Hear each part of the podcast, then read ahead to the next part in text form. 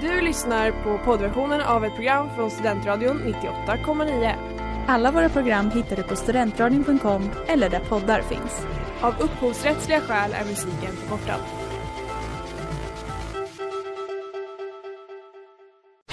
Reklam, reklam.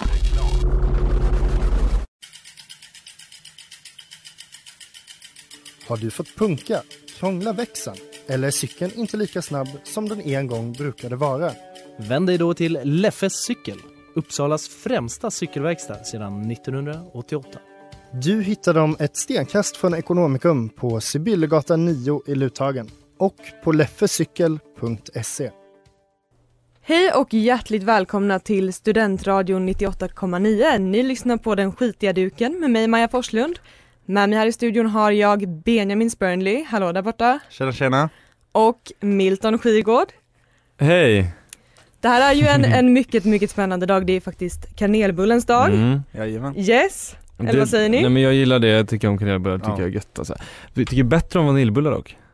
Nej. Jag vet inte det? Vaniljbullar? Ja, Vad menar du? eller toskabulle. Toskabulle är Det är mycket gött. gott. Mm. Mormors osta, det är inte, det är inte fiskam heller.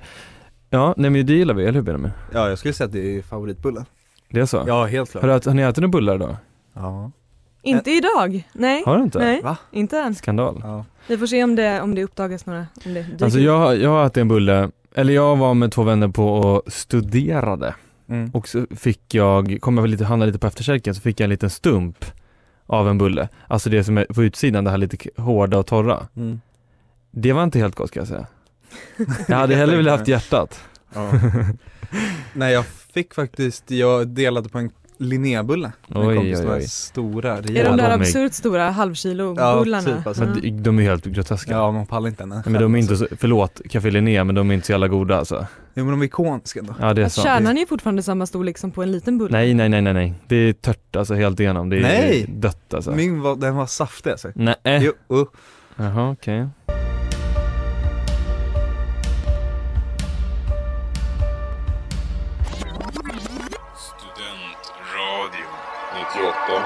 98,9.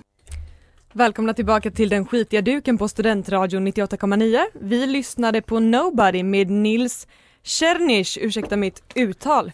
Vi det pratade låter bra. nyligen om fenomenet eh, kanelbullens dag och Mm. kafferep ligger nära till hands att nämna. Mm. Något som vi alla uppskattar och älskar men jag har Ja. faktiskt ganska dålig koll på hur ett kafferep går till och den här sju sorters kakor-traditionen. Är det någon här, kanske du Milton, som skulle Ja. kunna redogöra lite för det här? Rätt man för det jobbet Nej men kafferep, eh, jag känner att mitt hjärta bultar lite extra för kafferep. Jag tycker det är en eh, jäkligt trevlig grej faktiskt. Kafferepet är ju då ett, ett slags socialt möte får man väl ändå säga. mm. Och ibland sker det här, det här repet då i samband med andra sammankomster som till exempel bröllop eller begravning. Där det då dricks kaffe och traditionellt sett äts sju sorters kakor. Man kan säga att eh, kafferepet fick eh, lite sitt genomslag under 1930-talet så det var populärt även under 1940-talet. Men egentligen så sträcker sig kafferepet sig långt tillbaka till 17 och 1800-talet. Eh, men då ägde det då rum i lite andra former kan man säga. Men eh, kafferepet har ju den här ordningen som vi pratade om tidigare med sju sorters kakor. Vill ni att jag drar dem? Ja, så gärna. Mm. Så gärna. Alltså det är lite, det är lite, nu får ni hålla, hålla i er för det är några, det är några steg. Eh, nummer ett är då vetebröd och då, då kan man då tolka som kanske en bulle eller en längd, passar ni då? Mm. Sen nummer två har vi ljus sockerkaka, sen har vi mörk sockerkaka, sen har vi ljus torr småkaka, sen har vi mörk torr småkaka, sen har vi fylld småkaka och sen har vi bakelse, ofta innehållande mandelmassa alternativt en toskakaka Ja. och därefter en tårta. Men det är valfritt för den som orkar. Mm. Okej. Mm. Jag tycker att det känns lite bukfyllnad att börja med den, den ljusa sockerkakan där. Det känns... Mm. Ja, lite så. Jag läste också någon artikel om det här tidigare idag Och då stod det, då stod det beskrivet att det var typ så, ja men Sju sorter, det, alltså det var precis rätt antal Så För att typ- spy. Ja, nej nej, men är, du- bjöd du på färre, då var du snål Och, och bjöd du på fler så Ja, var det typ så här ja, överdådigt eh, Men jag kan känna också nu, typ, så alltså hade jag kommit hem till någon som hade bakat sju olika sorters kakor Mm. Jag hade tänkt att jag var lite sjuk i huvudet Ja, typ. ja, verkligen. Alltså det är lite väl Ja det är lite, det är lite overkill kanske. Ja. Kakorna kanske var lite mer smakfullt eh, utformade och mindre Jag tror när, också det. när det begav sig. Lite nättare. Men det är små kakor vi pratar om, det är inte liksom en påse gifflar som man kan äta liksom. Det är inte Linnébullen. Nej. Det är inte Linnébullen precis. Ja, men de här äh, sammankomsterna, det här kafferepet har ju historiskt sett mött eh, väldigt mycket kritik och liksom nedsättande ord, framförallt från karlar då, för det här- kafferep handlar om kvinnor. Och då har de liksom blivit benämnda lite olika saker som eh, kaffekärringar och sladdelunch till exempel. Det är sådana grejer man har sagt om kafferepet, det tycker jag är jätteorättvist. Vad sa du att det andra var? Ja. Sladder? Sladdelunch och kaffekärringar tror jag, tror jag var Mm. vanliga benämningar på kafferep. Men finns det någon modern mo- motsvarighet till Ja det, det, kafferep ja, nu? typ? det kanske vi tar sen. Okej. Ja, Ja. tar vi efter låten.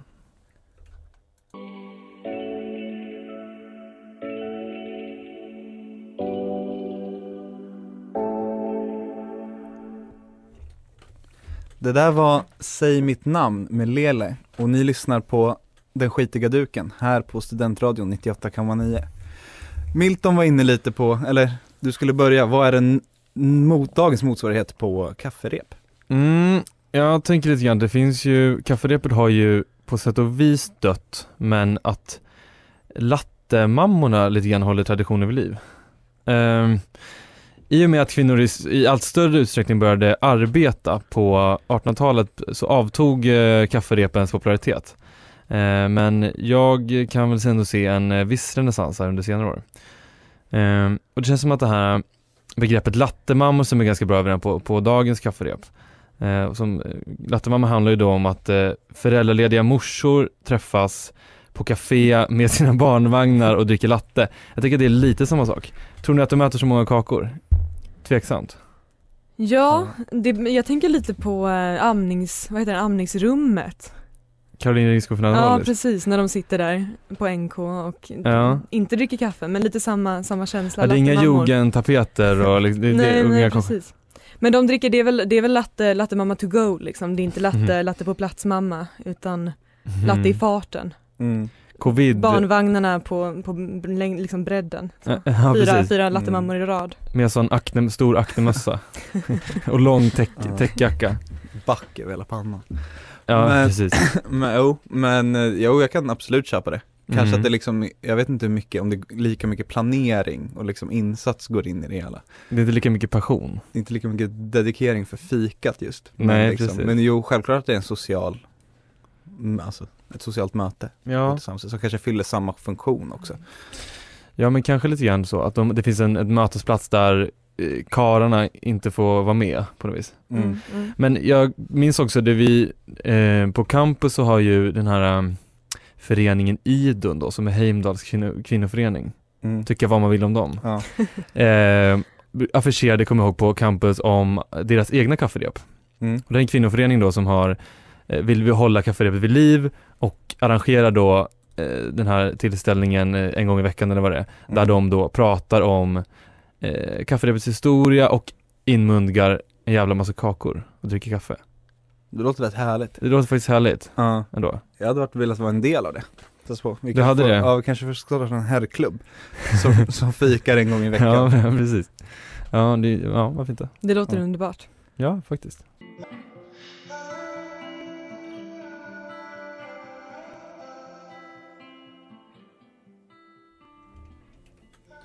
Nog om kafferep. Ma- Maja, du var på eh, skördefest i helgen. Det Har stämmer du- mycket bra. Ja, vad har du Ja. att berätta? Massvis. Vi utlovade ju faktiskt att jag skulle agera flygande reporter, Mm. något som inte inträffade. Jag blev så himla uppe i skördefesten att jag Mhm. hade fullt upp med att njuta av dagen.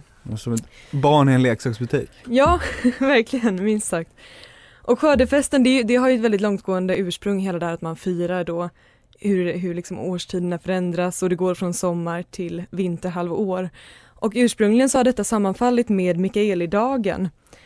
Eh, och det är då en högtid som alltså började firas redan på 400-talet och det är den här klassiska historien om eh, Sankt Mikael och draken och hela det köret. Och i bondesamhället så kallades den här dagen från början för Mikkelsmäss Mm och firades vanligtvis då den 29 september men Ölands skördefest som jag har besökt, eh, fort, där fortgår firandet ytterligare några dagar så jag var där då den 2 oktober. Och det som, det som gör Ölands skördefest så eh, himla speciell det är just den här atmosfären och det här att man kommer väldigt, väldigt nära det som produceras och årets skörd. Och redan i början när vi åker runt där på de små krokiga lantvägarna så hittar man ganska snart i området Bläsinge en liten stol som står längs vägen där det ligger en liten kassabössa och det står några små påsar med bruna bönor och man kan swisha Mattias 20 kronor om man vill ha en man påse. äta det? Ja om man gör, och jag har faktiskt Mattias nummer kvar. Jag kan, om, om någon skulle vilja swisha honom för att han är en så trevlig herre med sån tillit. kanske kan lägga det i en Instagram-inlägg senare. Ja vem vet, vem vet. Nej men bruna bönor är faktiskt väldigt stort på Öland just för att säsongen, sommarsäsongen eller skördesäsongen är väldigt lång och dessutom att det är en ö som ligger då omgiven av havet gör att det hålls, hålls varmare och Mm. det lämpar sig väldigt bra att odla bruna bönor. Däremot så har jag inte hittat på något jättekul man kan göra med bönorna eftersom vanligtvis så är de ju då till, till rimmat fläsk eller till, eh, Mm. på julbordet helt enkelt. Har ni Ja. några bruna bönor på lager? Men eh, jag förstår inte i vilken Nej de form är torkade, de är torkade. Så det är, Aha, men då kanske det är lugnt att till jul. ja gud ja. Att Gud, man, ja. du kan ju spisa Det dem tar nog ett bra tag att, att koka dem också, man kanske ska sätta igång redan. Ja, de ska helst ligga i, i blöt över natten typ, liksom. Precis, Ja, precis. just det, just det. Nej men det stämmer och det här lilla området Bläsinge är supertrevligt. Det är lite undangömt, inte lika kommersialiserat som andra delar av Öland just under Det är skördefesttiden. inte bada camping. Nej det är verkligen inte Böda camping, det är väldigt väldigt mysigt och pittoreskt. Mm.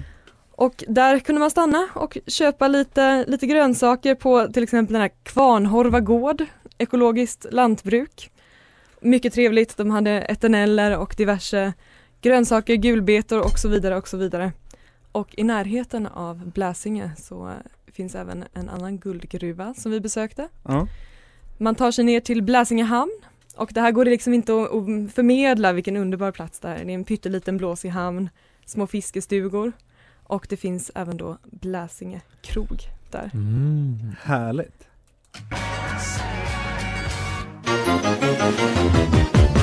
Studentradion 98,9. Det där var True Love av Howdy. Ni lyssnar på Den skitiga duken här på Studentradion 98,9. Jag ser nu också att du Maja, från den här skördefesten har med dig små smakprover Det Och- stämmer. av två olika ostar. Och nu har vi alltså lämnat Bläsinge, både hamn och annat och tagit oss till Mörbylånga där ostfestivalen har inträffat. Oh. Och Nu blir det ostradio. Nu blir det ostradio ska ni veta. Ost, ost, ost. Och det här är ju egentligen såklart Ölands skördefest men varenda lilla mejeri i hela Sverige har lyckats få med en fot Mm. i det här sammanhanget. Så jag har faktiskt med mig dels en ost från Emo-mejeriet.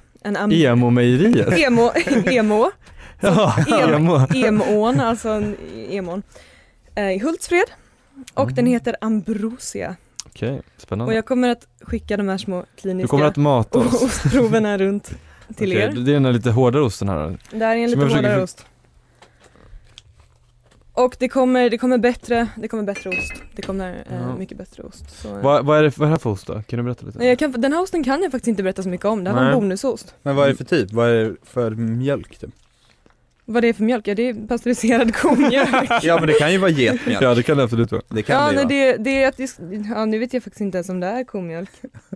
Det framgår inte. Den här, den här grejen var det var en mycket, mycket, mycket hektisk dag i Mörbylånga. Ja. Eh, oerhört folktäckt. Folk Mm. gnällde på att man så inte höll avstånd och sen så ställde de sig och slickade på en liten sked eh, bland andra människor. Just det. Så den här köptes faktiskt i all sin hast. Jävla god tycker jag. Men strax därefter Ja den var supergod. så kommer vi Trevligt. till ett annat litet oststånd. Och det här är alltså Löt gårdsmejeri som ligger strax söder om Linköping. Jaha. Och här var vi hemma. Det här var vårt oststånd. De var så oerhört trevliga. Och när vi köpt ett flertal olika ostar, det här är en till exempel vitmögelost men som har lite blåmögel runt om Mhm. sig. Okej. Den kommer här. Det tackar vi för. Nej, det här första hänger sig fan kvar i munnen alltså. Den, Ni ska bara få, jag ska försöka förmedla Mörbylångas ostmarknad ja, det är till er. Det är mögligaste osten jag pågår. sett i mitt liv. Ja, den, den Ja, var vad väldigt möglig på utsidan. Nu provar vi här med vad tycker du? Men eh, Mm. Löts gårdsmejeri, det- de har också en väldigt, väldigt speciell produkt. Och det här är alltså, den heter Svitjod ricotta. Mhm. Och ehm, det som händer är att en mycket besynnerlig man, jag tror att han kanske bryter lite på norska. Han förklarar den här osten som en ost som är torkad och ungefär 12 gånger starkare än parmesan. Åh säger- herregud. Ut med handen så kommer himlen från ovan och herregud. river lite av den här osten i våra händer. Mm. Och jag har faktiskt försökt få direktkontakt med Löts och hoppas kunna få lite prover på den här osten Oh, skickade Mm. till oss framöver. Jo. härligt. Det Mm. låter lite som han som jobbar i ostdisken på Sal. Så kommer man dit och frågar honom om hon får smaka världens godaste ost. Så har han en jättegod ost. Som man får smaka. och som bara, den är toppen. Tips till alla lyssnare. Verkligen.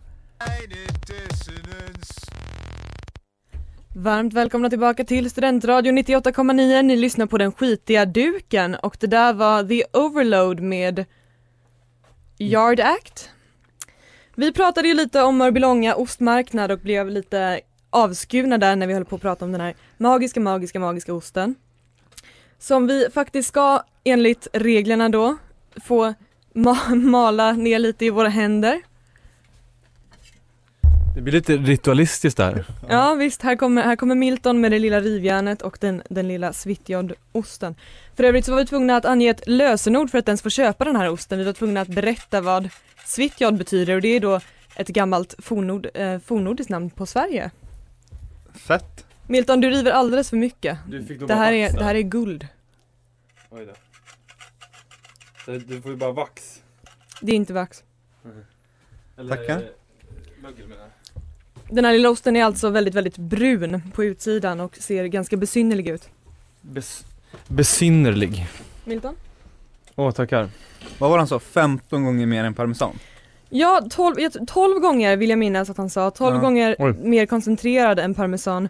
Det och det här tror jag faktiskt på. Ursprungligen är någonting som Mattias Dahlgren har sagt om den här Jaha. osten. För den här Mm. osten levereras faktiskt till Grand Hotel, till Berns Bistro Bar, till Operakällaren och så vidare. Fan så det här god är en väl bevarad hemlighet. Och Mm. jag ska som sagt försöka att få en direktlina till gårdsmejerier. Men alltså, den var inte helt osaltad kan man säga. Nej den är, den är Fy väldigt fan vad den var koncentrerad men det är verkligen en, en ny nivå till, till matlagning. Bra att vi har lite vatten här som man kan skölja ner, höll på att säga. Men li- Fukta strupen lite. Var det väldigt gott, eller hur Benjamin? Det är supergott verkligen. Mm. Årets höjdpunkt från skördefesten måste jag säga. Mm. Men något som vi också, eller som jag stöter på, på Öland, det är ju att det finns ett flertal vingårdar på Öland.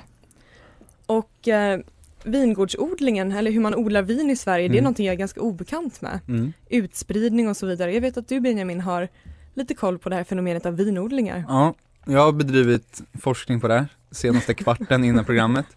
Så såhär, du tar segmentet om vin. Ja, okej, jag tar det. Eh, ja, det är typ ett rätt så relativt nytt fenomen i Sverige, har jag förstått. Mm, mm. Och det är typ de senaste tio åren som det har varit möjligt att typ så här kommersiell, kommersiellt köpa svenskt vin. Eh, men man misstänker typ att söderut, eh, för jag kommer inte ihåg hur många hundra år sedan, det var nu så att munkarna kan ha odlat i sina kloster.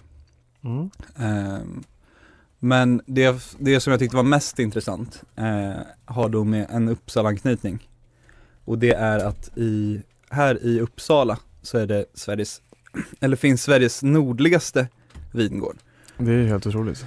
Ja, eh, det var en artikel läste från förra året. De etablerade ute i, vid eh, Ärna och de räknar med att man kommer kunna köpa de vinerna om typ tre, tre, fyra år. Men att de kommer vara som allra bäst om, alltså efter, om tio år typ. Mm, mm. Mm. Det är ju en sån här grej liksom, så här, de här vinrankorna måste ju verkligen etablera sig i marken typ Mm. och liksom. Ja det är ju nå- det är ju en lite märklig zon vi bor i när man ska odla.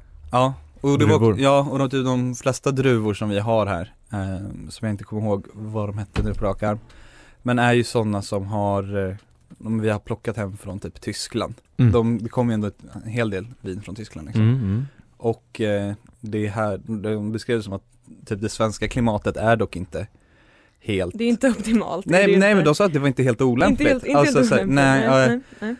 Eh, jag vet inte heller, jag tror att jag började i fel ände när jag skulle göra research och var typ såhär svenska, svenska vinfrämjandets broschyr typ som var en Inte helt objektiv. tjock jävla pamflett.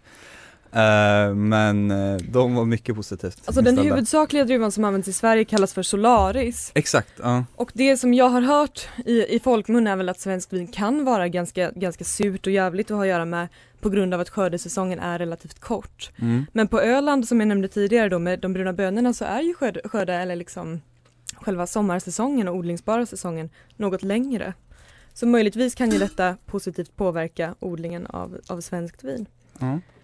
Och jag har faktiskt lyckats få händerna på en flaska vin som marknadsförs under namnet Under Ölands sol. Håksgård i Beteby kommer det ifrån. Jaså, den går den? det stämmer, den gården. Som man faktiskt kan besöka om man har vägarna förbi Öland.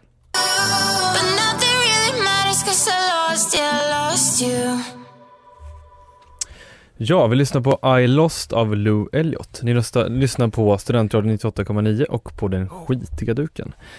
Nu sitter vi och dricker lite Lite, vin. lite, lite svenskt vin, det stämmer. Ja, vad trevligt. Maja, berätta lite grann, vad har vi, vad har vi framför oss? Ja, det här är då som jag nämnde under Ölands sol. Och det här är ett vin som faktiskt går att beställa. Det säljs enbart på Öland och i Kalmar men man kan alltså beställa det här vinet till sitt lokala systembolag om man skulle få för sig det. Kvinnan som ligger bakom det här vinet heter Eva Gustavsson. Och hon verkar otroligt trevlig. Däremot så är hemsidan inte särskilt eh, tillgänglig. Så om man vill veta mer om vinet så kan man kanske följa henne på Instagram eller även på Facebook. Det är, det är alltså svenska vinodlare och kennelföreningar som har sämst hemsidor Det, det någonsin. stämmer, det stämmer. Ja. Men vad var det, vilken druva är det där då? Är det den Jag skulle Solaris väl som du var inne förmoda på? att det är den här Solaris. Jag har faktiskt hade för avsikt att få tag på den här Eva Gustavsson men jag fick lite knappt om tid så jag har inte Men jag, jag kan se på det här. härifrån att nu poppar upp en av de där druvorna som jag läste om tidigare. Rondo. Det är tydligen det. också en druva som odlas här i Sverige. Leon Milot stod det också. Just det, det är en Men- blandning av ja. de här två druvorna, druvorna som alltså kan växa på i svensk jord. Ja. Vi håller oss otroligt långt ifrån mickar och mixerbord kan vi säga. Men det var ju ganska gott, eller vad tycker du med? Mm. Jag tänker smaka Jag i tycker pausen. att det var, Ja. det var trevligt. Lite strävt som det ska vara, inte supersyrligt. Inte, Ja, jag visst, jag tycker det smakar lite som nyponsoppa typ. Eller det är lite sån, eh, eller blåbärssoppa ja, faktiskt. det, Det är om inte annat ser det ut lite som Det ser ut som blåbärssoppa. blåbär, men ser liksom, det är grum, det är liksom man ser små bitar i eh, vinet. Det kan vara att jag hade lite trubbel med korken tidigare. Men man kan, man kan göra en sån där Åsa-Nisse på den där. Den här blåbärssoppe-hutten. Det är blåbärssoppa och Mm. vodka. Just det. Åsa-Nisse tror jag. Det är fan gött när det smakar det. Nej. Det är goda grejer kan jag Lilla säga. blåbärsnypet nästan, för Blåbärs- annan ja. spritdryck. Ja, Ja, precis. Härligt. Trevligt med svenskt vin. Det, det känns som att svenskt och vin inte går ihop riktigt. Men Nej, eh, just därför tyckte jag det här var så spännande. Ja. Och jag tror faktiskt det här är det första svenska vinet jag har druckit i alla fall. samma här, samma här. Ja, jo jag tror att jag har typ någon gång när man varit ute kanske käkat middag Har de erbjudit det. Men jag tror också att det här kommer vara liksom det första jag kommer komma ihåg Mm, ja, vad gulligt. mm. Göra, tänk att vi gör det här tillsammans, dricka svenskt vin. Ja fint, verkligen, fint minne som vi kan dela Mm. i många år framöver Men eh, ja, vad finns det? finns andra spritsorter som man tänker på i Sverige Det finns ju massa sådana här typiska spritsorter, Vodka. vodka är det kanske främsta. Mjöd Mm. tänker jag, det är ju, Just man får ju ändå säga att mjöd är någon slags eh, vin, det är ju honungsvin egentligen. Mm. Det, det tillverkas ju på liknande, eh, till, liknande tekniker men det är ju Mm. inte vin i samma bemärkelse som Nej, att det är en druva och så vidare. Men Nej, mjöd är ju kött. Ja det är härligt Drack, Kan man dricka på Gotland? Eller, ja, Ja, det kan man göra, man, kan dricka, man kan dricka i Västerås också Ja, i Uppsala också. Välkomna tillbaka till den skitiga duken, duken på Studentradion 98,9.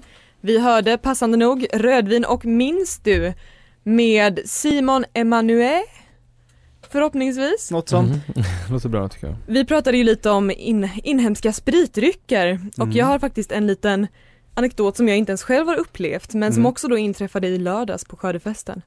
Jag hade, jag hade ledsnat lite på alla regelbundna stopp på minsta, i minsta lilla bod längs vägarna och tog en liten runda in till fåren på allvaret och fick senast, senare då återberättat för mig hur mitt, mitt sällskap eller mina medresenärer har stannat till invid en landsväg, något gammalt skjul, lada och där finns det ett par eh, original som säljer lite ål och lite, lite vildsvin och andra suspekta eh, styckningar. Frågan om ålarna levde? Eh, de nej, döda? de var så vulgärt Var nog liksom mer eller mindre en metervara, alltså det var en, en Det var pinnar? robust. Var de färska eller rökta? Kanske, du var inte jag, där. nej, jag var inte där. Men Rökt ål känns ju vanligare än eh, sälja Ja färsk visst, precis. Den, den vanliga kändaste ålen brukar ju vara rökt. Men i alla fall på den här lilla, lilla uppfarten eller, eller vad det nu kan kallas så ska det då ha suttit en liten liten flicka och jag föreställer mig att hon var så runt 10 år gammal, hade långa flätor med små rosetter Mm. och sålde valnötter. Mm, fyra stycken för 10 kronor. Ja. Det här var ju jättetrevligt fram tills att vi kom hem och då provsmakade de här valnötterna och det var, det var absolut det äckligaste jag ätit i mitt liv. Valnöten var liksom inte torr och mjölig och mustig eller vad det nu brukar vara utan den var jättevit, spänstig, superbitter. Mm. Och saker som är bittra brukar ju Mm. lämpa sig till annat än just att ätas som de är, nämligen ofta till sprit. Mhm. Och valnötter, sprit, Ja. någon som vill ta vid? Alltså det finns ju, jag vet att det finns en fransk eh, ganska känd sprit som heter Liqueur au de noix.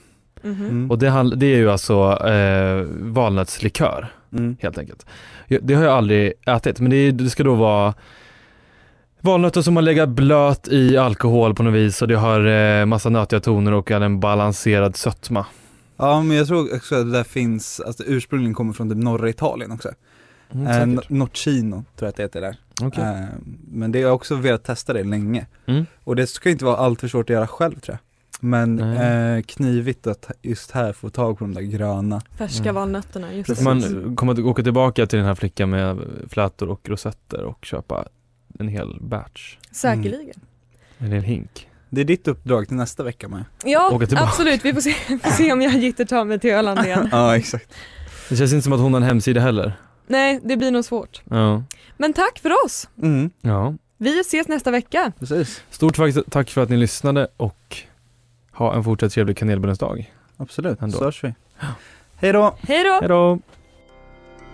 Du har lyssnat på poddversion av ett program från Studentradion 98,9. Alla våra program hittar du på studentradion.com eller där poddar finns.